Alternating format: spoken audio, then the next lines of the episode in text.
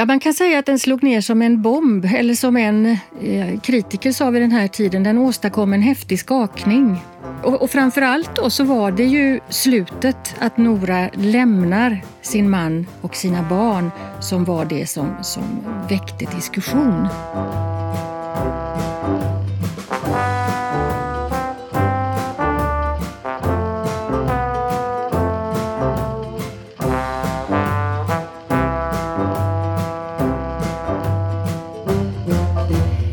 Hej och välkomna ska ni vara till den litterära salongen Banbrytande berättelser.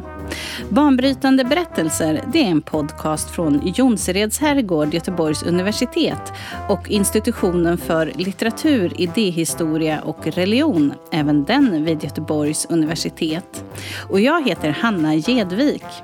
Banbrytande berättelser handlar om litteratur som har förändrat synen på människan och världen som påverkat lagstiftning, samhällsordning och historieskrivning och i en del fall skapat nya villkor för dikten själv.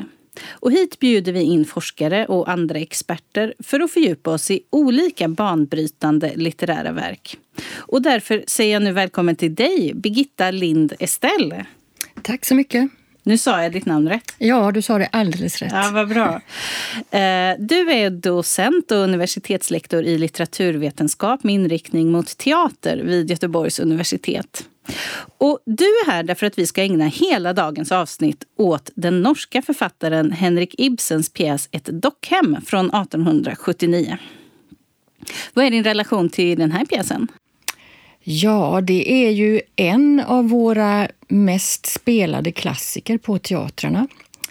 Ehm, det är också en pjäs som anses vara ett nyckeldrama för det moderna genombrottets dramatik och litteratur. Alltså den, eh, den eh, nya litteratur som, och teater som upp, framträdde i, eh, ja, kring 1880 ungefär. Eh, och ett nyckeldrama då, det handlar om att det var, det var stilbildande helt enkelt. Det anses vara stilbildande vid den här tiden. Och varför kommer vi gå in på mycket mer här. Det är det vi ska ägna hela det här programmet åt. Men varför är ett dockhem en intressant och relevant pjäs idag, 2021? Eh, ganska många år senare, över hundra år senare. Ja, för det första så spelas den ju fortfarande frekvent på teatrarna. Det finns en, eh, en webbsida som heter Ibsen Stage och där kan man se att ja, knappt 5 000 föreställningar har spelats av den här pjäsen sedan 1880 och fram till våra dagar. Så det är en pjäs som är aktuell på teatrarna och sen så är ju Nora-gestalten också en person som det ständigt går att finna ny aktu aktualitet i.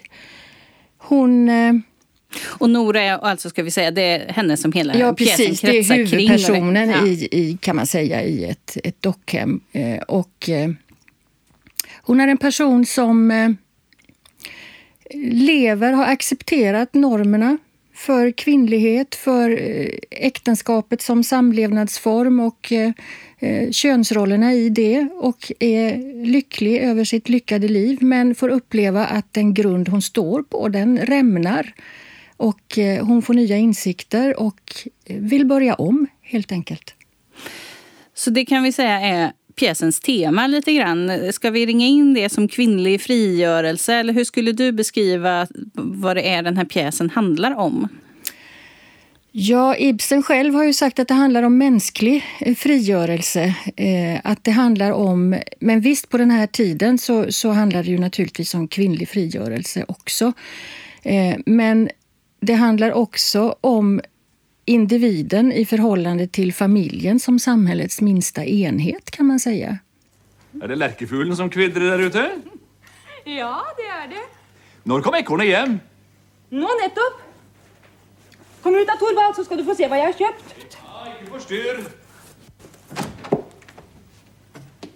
Köpt, ser du, allt det där? Nej, har nå lille spillefull varit ute och satt pengar över styr igen? Torvald. Du har ju i din forskning ägnat dig åt att studera frågor som handlar om just det här också. Du disputerade med avhandlingen Befrielsen är nära feminism och teaterpraktik i Margareta Garpes och Susanne Ostens 1970 jag stammar idag. Eh, du disputerade med avhandlingen Befrielsen är nära, feminism och teaterpraktik i Margareta Garpes och Susanne Ostens 1970-talsteater. Och det här var 2006 som den avhandlingen kom. Så det här är ju, du har ju verkligen fördjupat dig i de här frågorna. Ja, visst.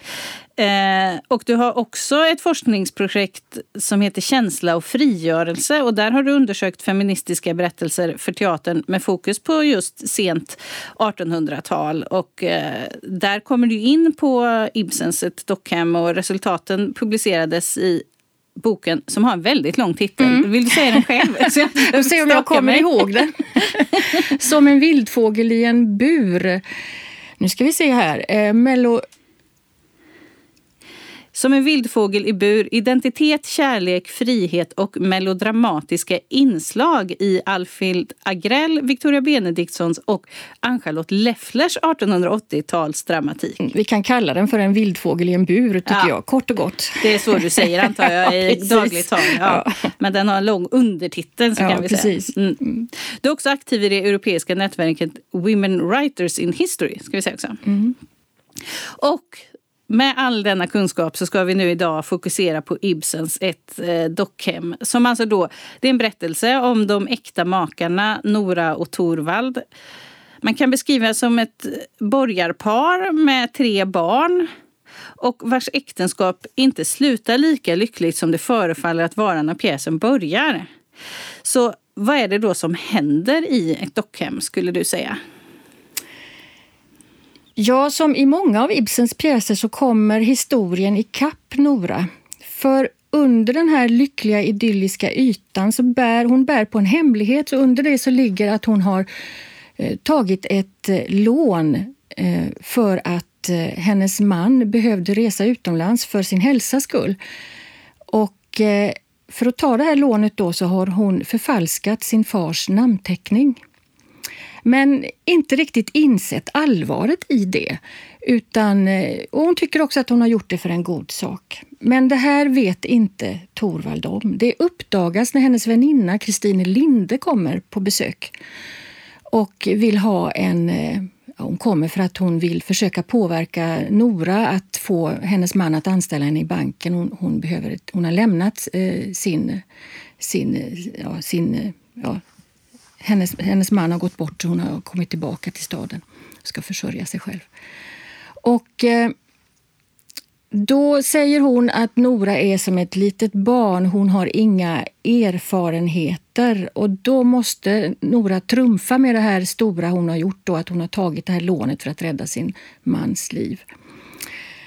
Eh, sen kommer också sakförare Krogstad, för, egentligen för att besöka Torvald, men han söker också upp Nora och ska förmå henne att eh, eh få eh, att hon ska övertyga Torvald om att han ska ha en plats i banken. För Torvald har precis blivit eh, bankdirektör i en, en bank här, så han har, han har en position så att han kan anställa folk. Eh, och då kommer det fram att hon har gjort, begått det här ekonomiska brottet, det vill säga gör den här förfalskningen. Och, och då börjar hon fatta vidden av vad hon har gjort. För han använder det lite som utpressning ja, mot Nora? Va? det är ja. precis vad han gör. Mm. Eh, så det var som du sa tidigare, här, att verkligheten kommer ikapp. Att hon har levt det här ganska enkla livet då tills liksom Krogstad på något sätt knackar på här med hennes förflutna och hotar att, upp, att, att det här ska uppdaga sig. För Nora är ju... Alltså I början, om man ser henne lite genom Kristines ögon så förefaller hon ju vara väldigt så här, barnslig och lycklig och oskyldig och sådär. Men sen så när, när allt det här händer så går hon ju igenom någon typ av eh, liksom, utveckling eller förvandling. Eller vad, hur, hur, skulle du beskriva vad det är som händer, Nora? Ja, för det första så, så tänker jag att hon har väl egentligen inte haft ett sånt enkelt liv för hon har stretat och strävat för att kunna betala av på det här lånet och gömma undan det för Torvald. Och att det här att det väldigt mycket är en yta och att leva upp till en norm för en idealiserad kvinnlighet och en idealiserad hustru i äktenskapet.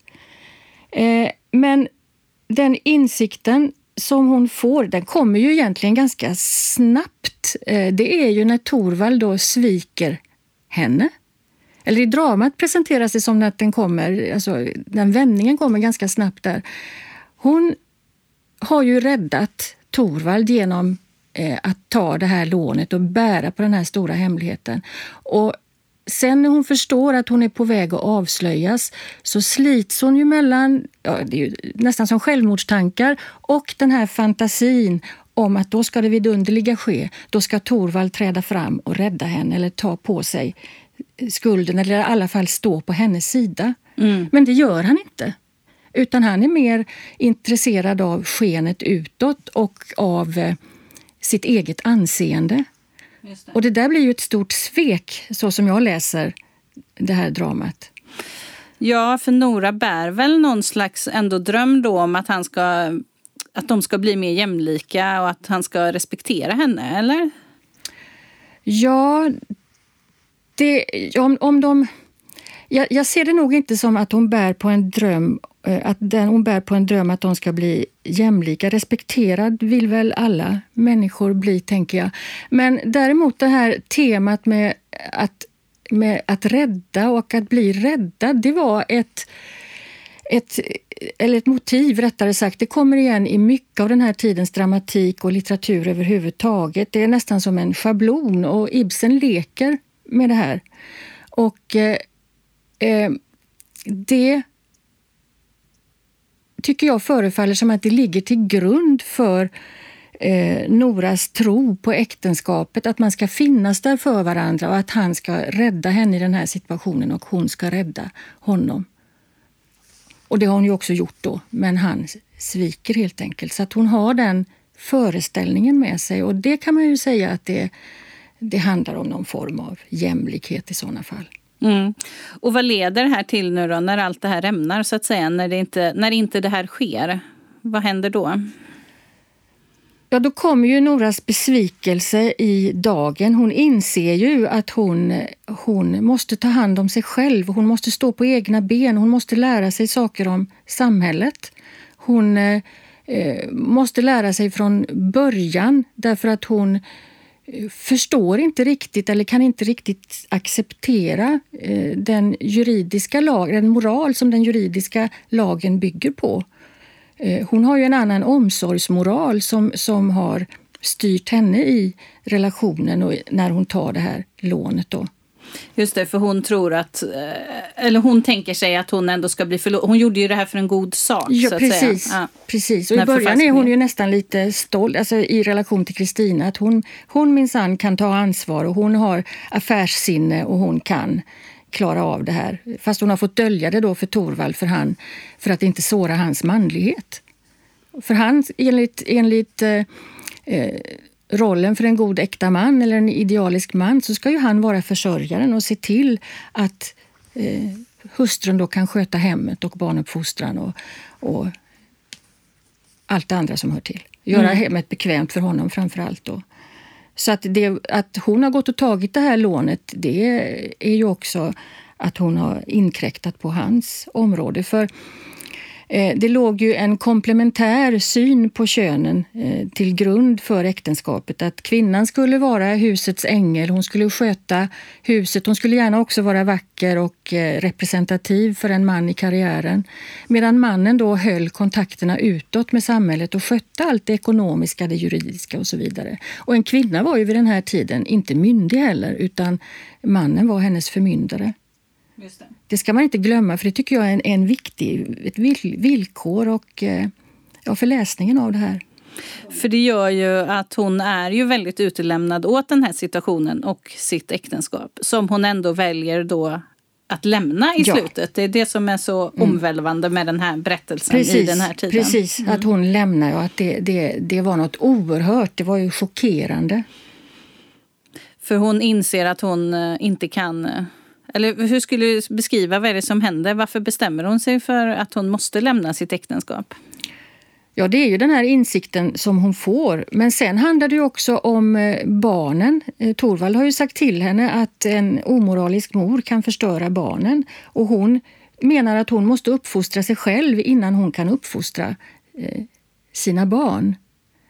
Så det är ytterligare ett skäl som, som eh, för henne att gå. Då. Men hon måste, hon måste stå på egna ben och hon måste börja om från grunden med att få sin egen bild, sin egen kunskap om eh, samhället. Hon har hela sitt liv eh, eh, har andra talat om för henne hur hon ska vara och hur, hon, eh, hur eh, samhället är. Just det.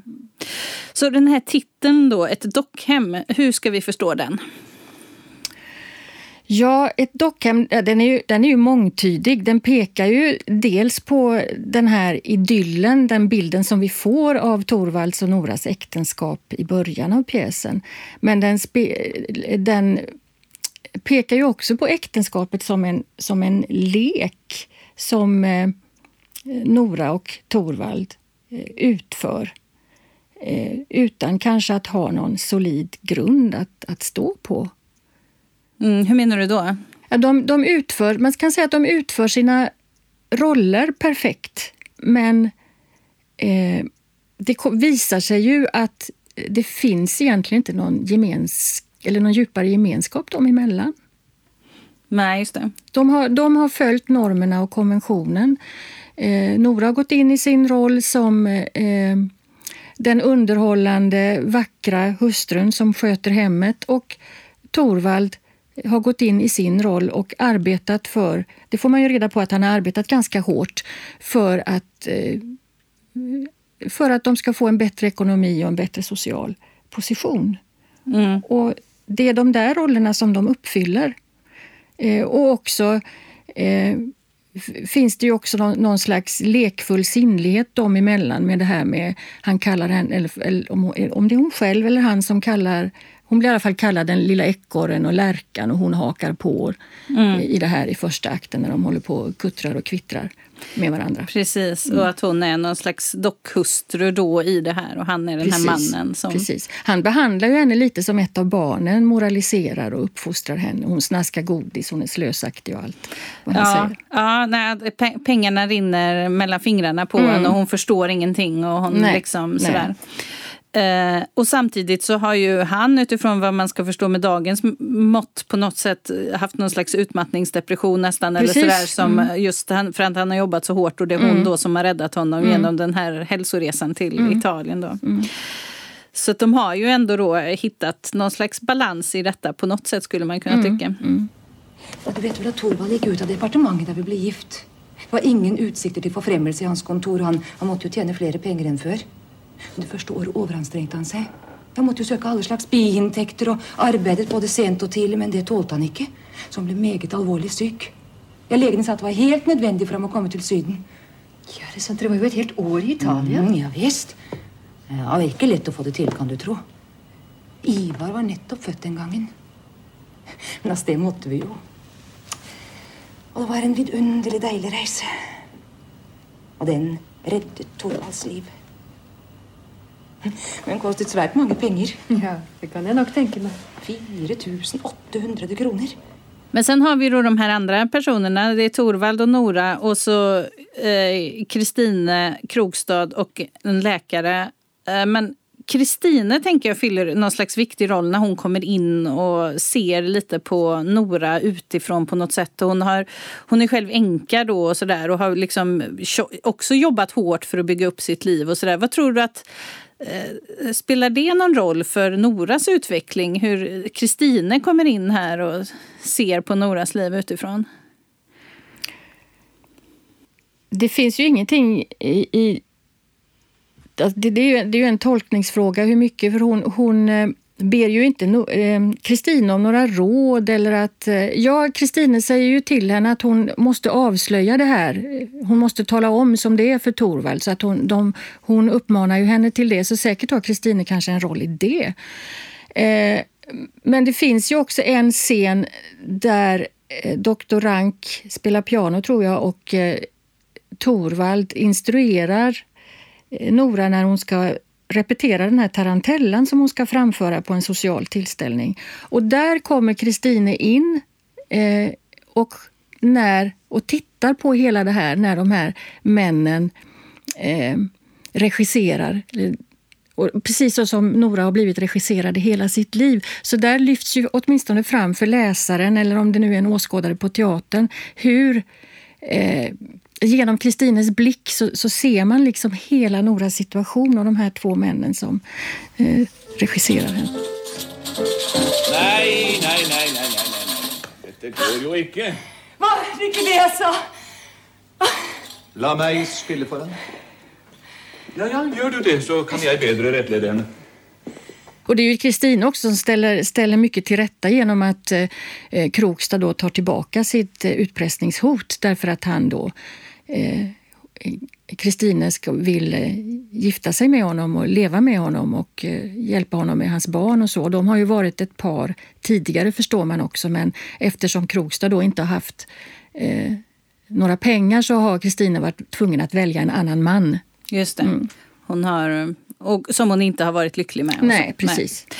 Men äktenskapet som institution här då i slutet på 1800-talet hur, hur, ska, hur ska vi förstå den? Vad hade den för roll?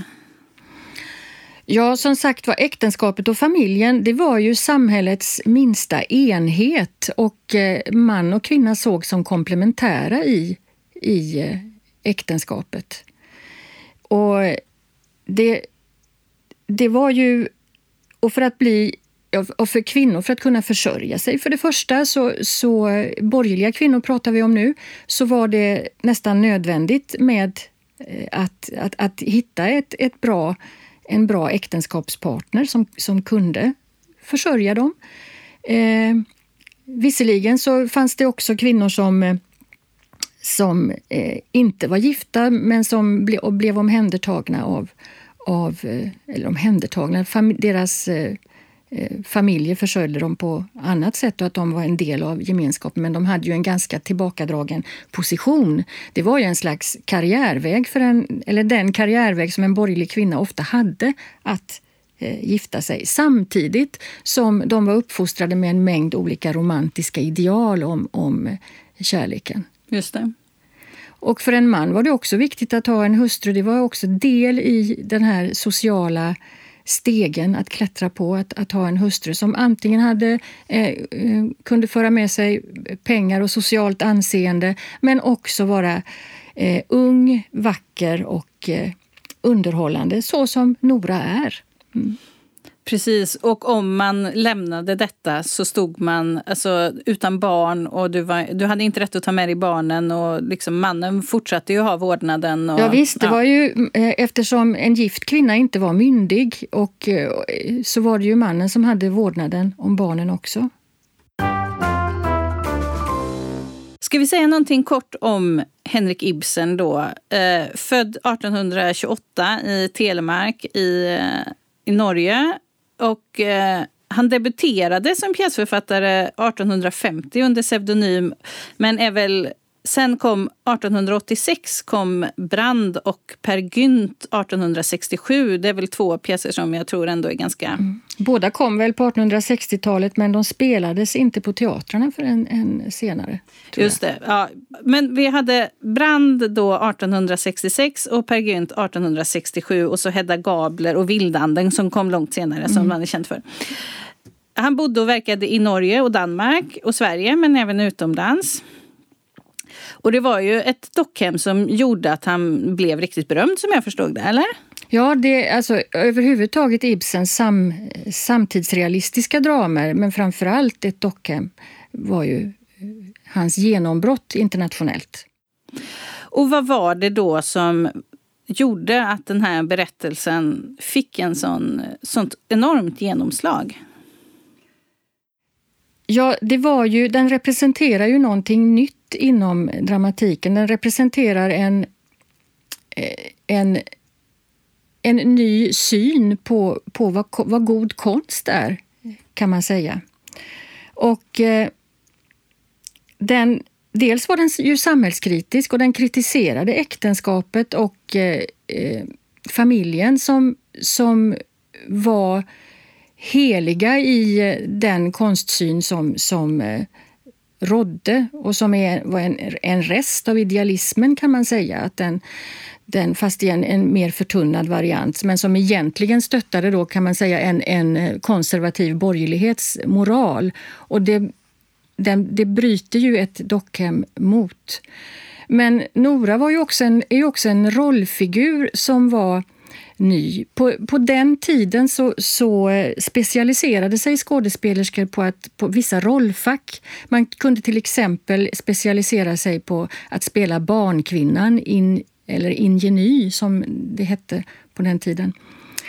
Eh, och, eh, men Nora hon utvecklas ju från att en, att vara en rollfigur som, som är en sån här ingeny eller barnkvinna till att bli en mogen kvinna. Och det här var någonting nytt och det var också en, en, någonting som var utmanande och revolutionerande för den tidens skådespelerskor.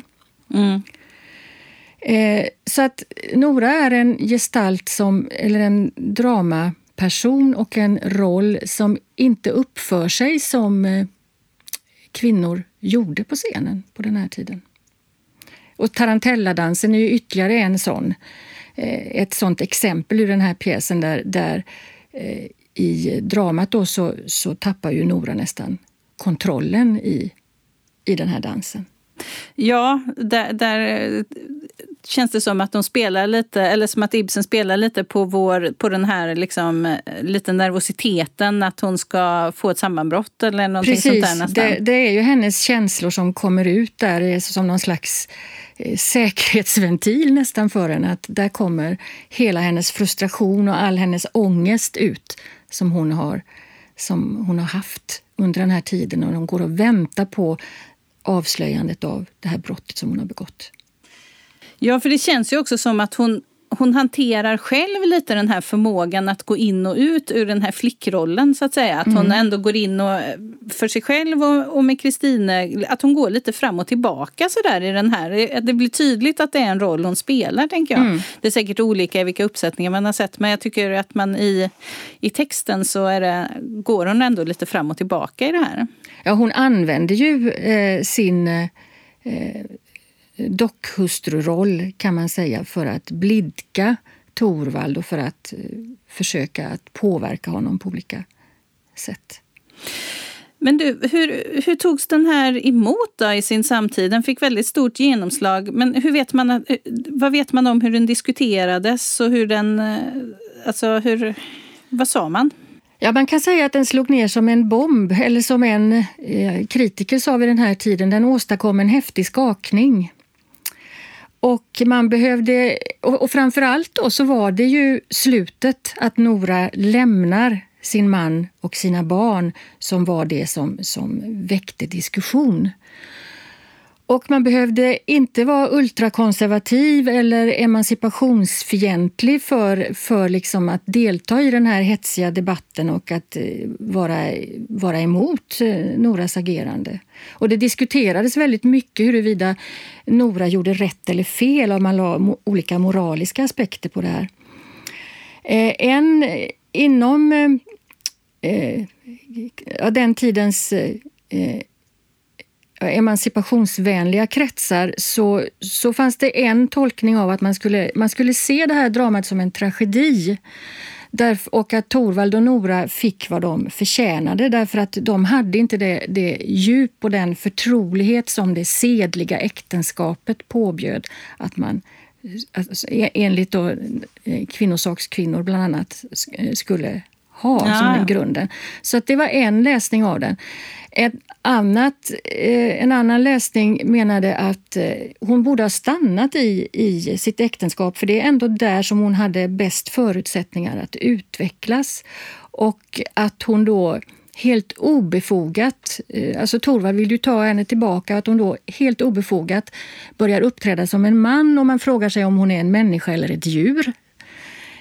ytterligare en läsning menar att hon som kvinna borde anamma något slags eh, tåla, tiga, lida-ideal och eh, försöka att få sitt äktenskap att bli sedligt genom att ha fördragande med Torvald och stötta honom och eh, ta hand om sina barn och eh, jobba med sina egna fel och brister. Det är liksom hennes ansvar som kvinna att göra, att ha den rollen.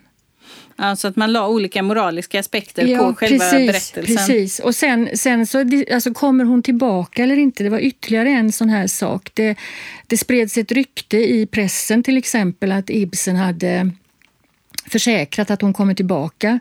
Men när Ibsen fick den typen av frågor själv så, så svarade han något i stil med hur sjutton tror ni att jag ska kunna veta det? Så att, men men det, här, det, var, det var liksom upprörande med en kvinna som bara lämnar på det där sättet. Eh.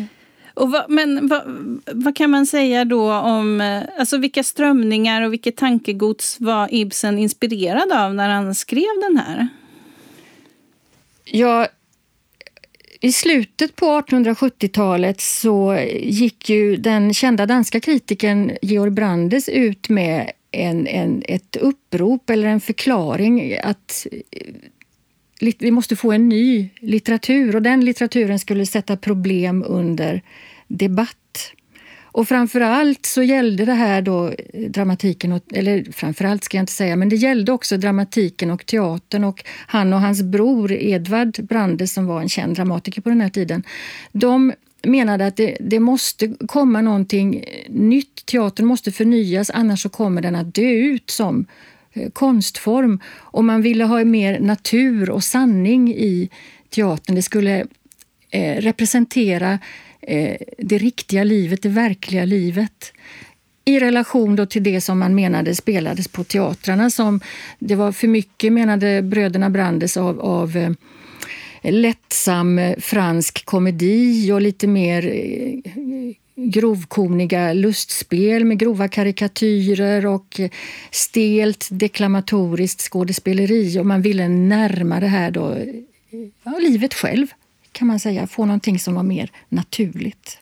Just det. Och samtidigt, alltså man, jag tänker lite på Strindberg i det här fallet också då, som vi hade i Sverige. Alltså hur, hur verkade de här två sida vid sida, lite Strindberg och Ibsen, i de här frågorna?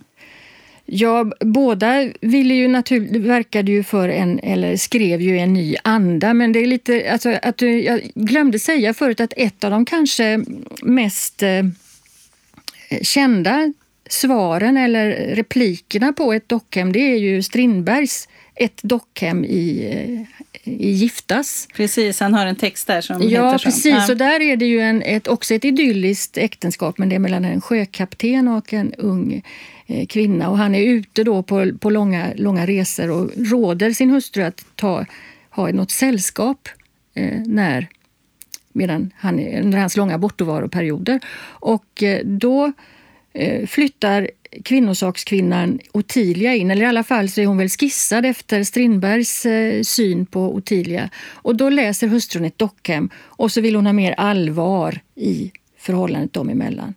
Så får han rådet av eh, eh, sin svärmor att försöka förföra eller flörta med den här Ottilia för att göra hustrun då svartsjuk. Och det där lyckas och så flyttar Ottilia ut och sen så har de den här eh, idylliska lyckan igen och som, som bygger på en, en, en, en, sinnlig relation kan man säga. Och det här är ju väldigt mycket det manliga perspektivet på det här. Mm. Men han gör narr kan man säga av, eller går i svarsmål mot ett dockhem i den här. Mm. Eh, och samtidigt så var båda två väldigt alltså, viktiga för det moderna absolut, dramats utveckling absolut. på mm. många sätt såklart. Mm.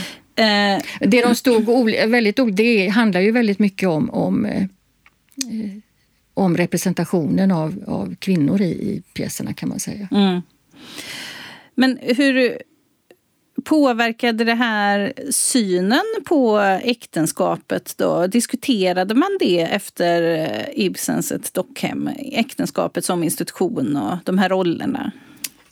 Ja, visst, och, och, och framförallt så, så där jag framförallt ser det så är det ju i den dramatik som skrevs av kvinnor vid den här tiden. Nu ska man inte eh, hårdra det och säga att det var på grund av eh, ett dockhem som det här diskuterades. Men äktenskapsfrågan och sedligheten den debatterades ju vid den här tiden och ett dockhem kommer in och sätter fyr på den här debatten kan man säga. Och flera kvinnliga dramatiker, bland, bland annat de som jag har forskat om, då, Alfilda Grell, Ann-Charlotte Leffler och Victoria Benediktsson, vrider och vänder på äktenskapet också. Fast där får vi sällan den här idyllen från början utan det är problematiskt från början och med, med eh, kvinnliga dramapersoner, huvudpersoner som inte kan finna sig till rätta Mm. eh, och som blir orättvist behandlade. De, blir en slags, de får en slags askungeposition, en blandning mellan ask, en askunge och eh, en revoltör som eh, Ingeborg Nordin Händel har uttryckt det. Har vi några exempel på pjäser där som du tycker att man borde titta in sig på om man vill eh, läsa mer om det här eller titta mer på de här frågorna? Ja, den tydligaste är väl Alfhild Agrells Räddad, där det här motivet igen med att rädda och bli räddad eh, kommer in.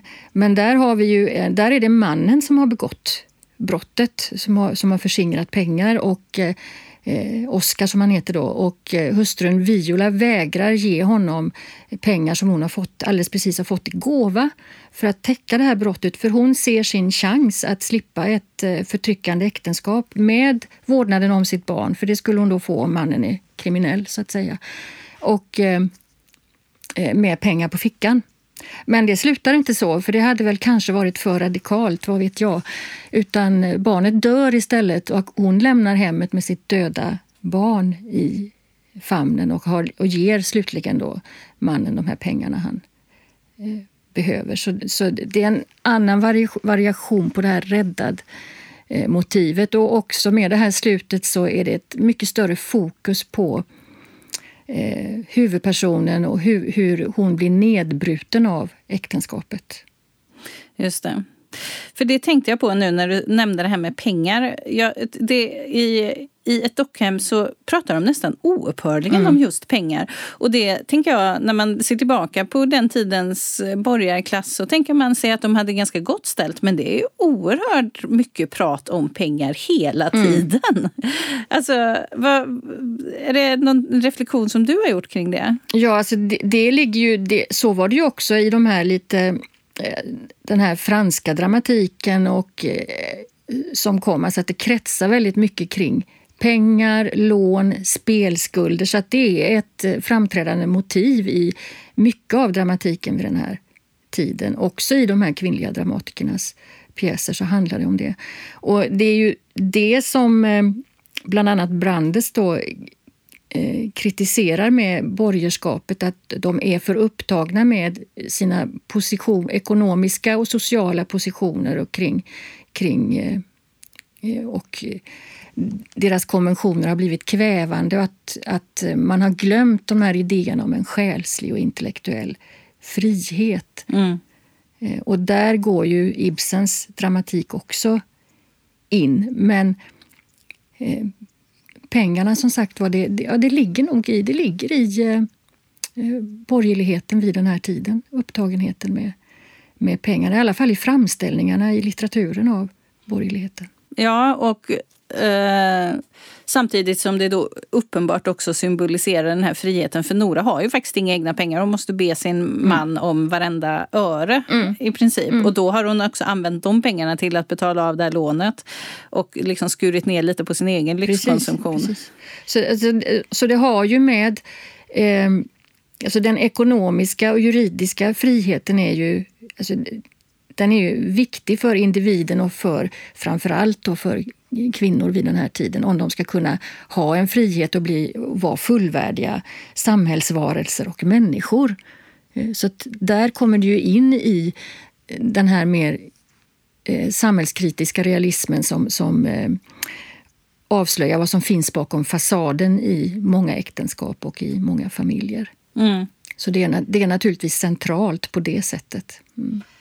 Ja, och Nora säger ju också flera gånger, inte ordagrant kanske, men, men eh, kommer inte ihåg exakt, men att, hade, att hon hellre hade velat vara man. Alltså hon leker ju med den tanken lite och vilken frihet det hade gett Precis, henne och precis. möjligheter och så. Så att hon är ju ändå, man märker ju ganska tidigt ändå att det är någonting med den här dockhustrurollen som skaver. Liksom. Och sen så samtidigt så när de här eh, problemen uppdagas så, så pratar de liksom nästan båda två själva om att hon ska bli hans lilla lärka igen och sådär att allting ska bli som vanligt. Så att de vill ju verkligen hitta tillbaka till det här, eller framförallt Torvald kanske.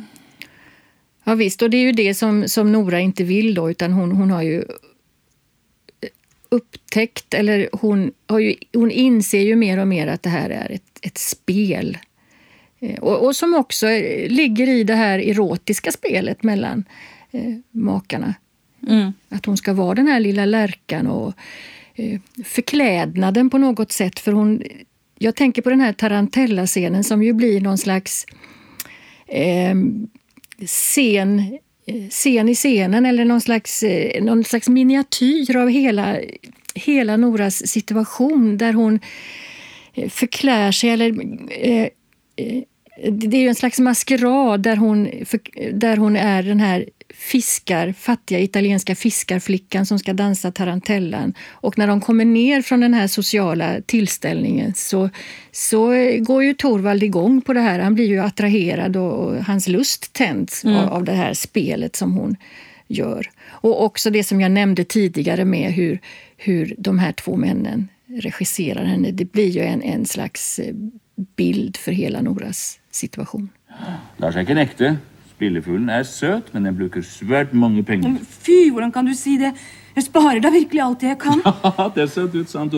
Alt hva du kan, men du kan slett ikke. du skulle bare vite hvor mange utgifter vi lerker og ekorner har, du, Torvald. Ja, du er, ja, du er en besynderlig liten en. Akkurat som din far. Du om det på alle kanter for å skaffe deg penger, og med en gang du har det, så blir de jo liksom borte mellom hendene. Ja, ja, Han må jo ta det som du er.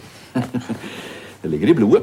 Var hittar vi de, de här berättelserna idag då? Du pratade om Nora-rollen och Nora. Alltså, var, var, hittar vi henne i dagens dramatik? Kan vi säga något om det? Ja, för det första så finns det ju dramatik som, som direkt anspelar eller som är fortsättningar. Som, alltså fortsättningar, vad händer Nora när hon lämnar sin man. Och Det är nästan titeln på Elfriede Jelineks drama från 1977, tror jag det är. Eh, vad, hände, vad, hände med no, vad hände Nora efter att hon hade lämnat sin man, eller Samhällets stöttepelare, eh, som den heter. Och eh, där så eh, kan man säga att Nora, när hon kommer ut så möter hon det kapitalistiska samhället. Hon eh, det utspelar sig i Tyskland på 1920-talet också när de national, nationalsocialistiska idéerna börjar, eh, börjar, ja, blir, börjar bli aktuella. Och eh, hon får först då jobb på en fabrik men gifter sig sedan, eller gifter sig, hon blir älskarinna åt en, en rik affärsman som eh, lägger ner den här fabriken. Och eh, eh, ja, det, hennes, hennes möte och hur, hur, hur eh, ekonomin styr eh, Noras möjligheter och, och, hennes relationer. Där finns också en, en ganska en, en förklänad scen, men där är det inte fiskarflicka från Italien utan där är eh, Nora en dominatris och eh, regisserar Helmer, skulle man kunna göra, som, säga, som då besöker henne. Mm. Så, så att, eh, mm. Så det här går igen på, på flera sätt inom dramatiken? Det finns också en musikal, eh, har gjorts en musikal på, som heter A Doll's Life som kom på 80-talet, tidigt 80-tal någon gång men som aldrig blev någon större succé. Det kom en roman 2020 av, eh, vad heter hon nu då? Eh, Merete Prytz Helle tror jag, en danska. Får jag titta mm. på hennes ja, Merete Prytz Helle 2020 där hon eh, där Nora får den här insikten under ett helt liv men också att hon plockar upp det här parallella som vi har pratat om lite grann att Nora egentligen har eh, hon har, ju, hon har ju gjort det här stora och tagit lånet och räddat sin man och hon inser att det här är en roll hon spelar. Så att i den här romanen så får, eh, eh, så får hon också både sexuella och eh, erfarenheter och intellektuella insikter av andra kvinnor i sin närhet samtidigt som hon då eh, har det här, har Torvald och mål, eh, att hon gifter sig med honom och så. Men så att om man ska sammanfatta lite kring det banbrytande så har vi ju berört ganska många punkter på vad det gäller just samhällsordning och debatt och även hur hur det har påverkat dramatiken och litteraturen är ganska tydligt, tänker jag. Mm. Eh, Är det något mer som du tänker kring det? Alltså vad ska vi mer säga kring eh, det banbrytande kring ett dockhem? Något vi har missat? Ja, det, eh, det är ju framför allt det här att Nora då hävdar sig som, eh, hon är kvinna men hävdar sig som individ. Eh, hon bryter inte bara med den här komplement, hon lämnar inte bara sitt äktenskap och bryter med den här komplementära könsordningen. Det, det är liksom en hel, eh, vad ska man säga, en, en samhällsstruktur som Nora bryter genom att hävda sin, sin rätt som, som människa och att, att eh, kunna stå på egna ben som individ. Och det var, det var ju det som var så, framför allt som var så banbrytande. Även om den var banbrytande på många olika plan, om man nu pratar eh, inom teatern och eh, eh, ja, dramaturgiskt för en, för en, eh, en eh, pjäs då som inte har ett slut med försoning. Och i, när den spelades i Tyskland och England så fick man ju ändra på slutet. Några mm. fick komma tillbaka för att det här var så så eh, chockerande helt enkelt. Mm. Eh, och där hette pjäsen då, den hette Nora helt enkelt. Mm. Mm. Ja, alltså det blev för mycket. Det var för mycket. Tack så hemskt mycket Birgitta Lind Estelle för att du kom hit idag och pratade om ett dockhem av Henrik Ibsen och framförallt om Nora.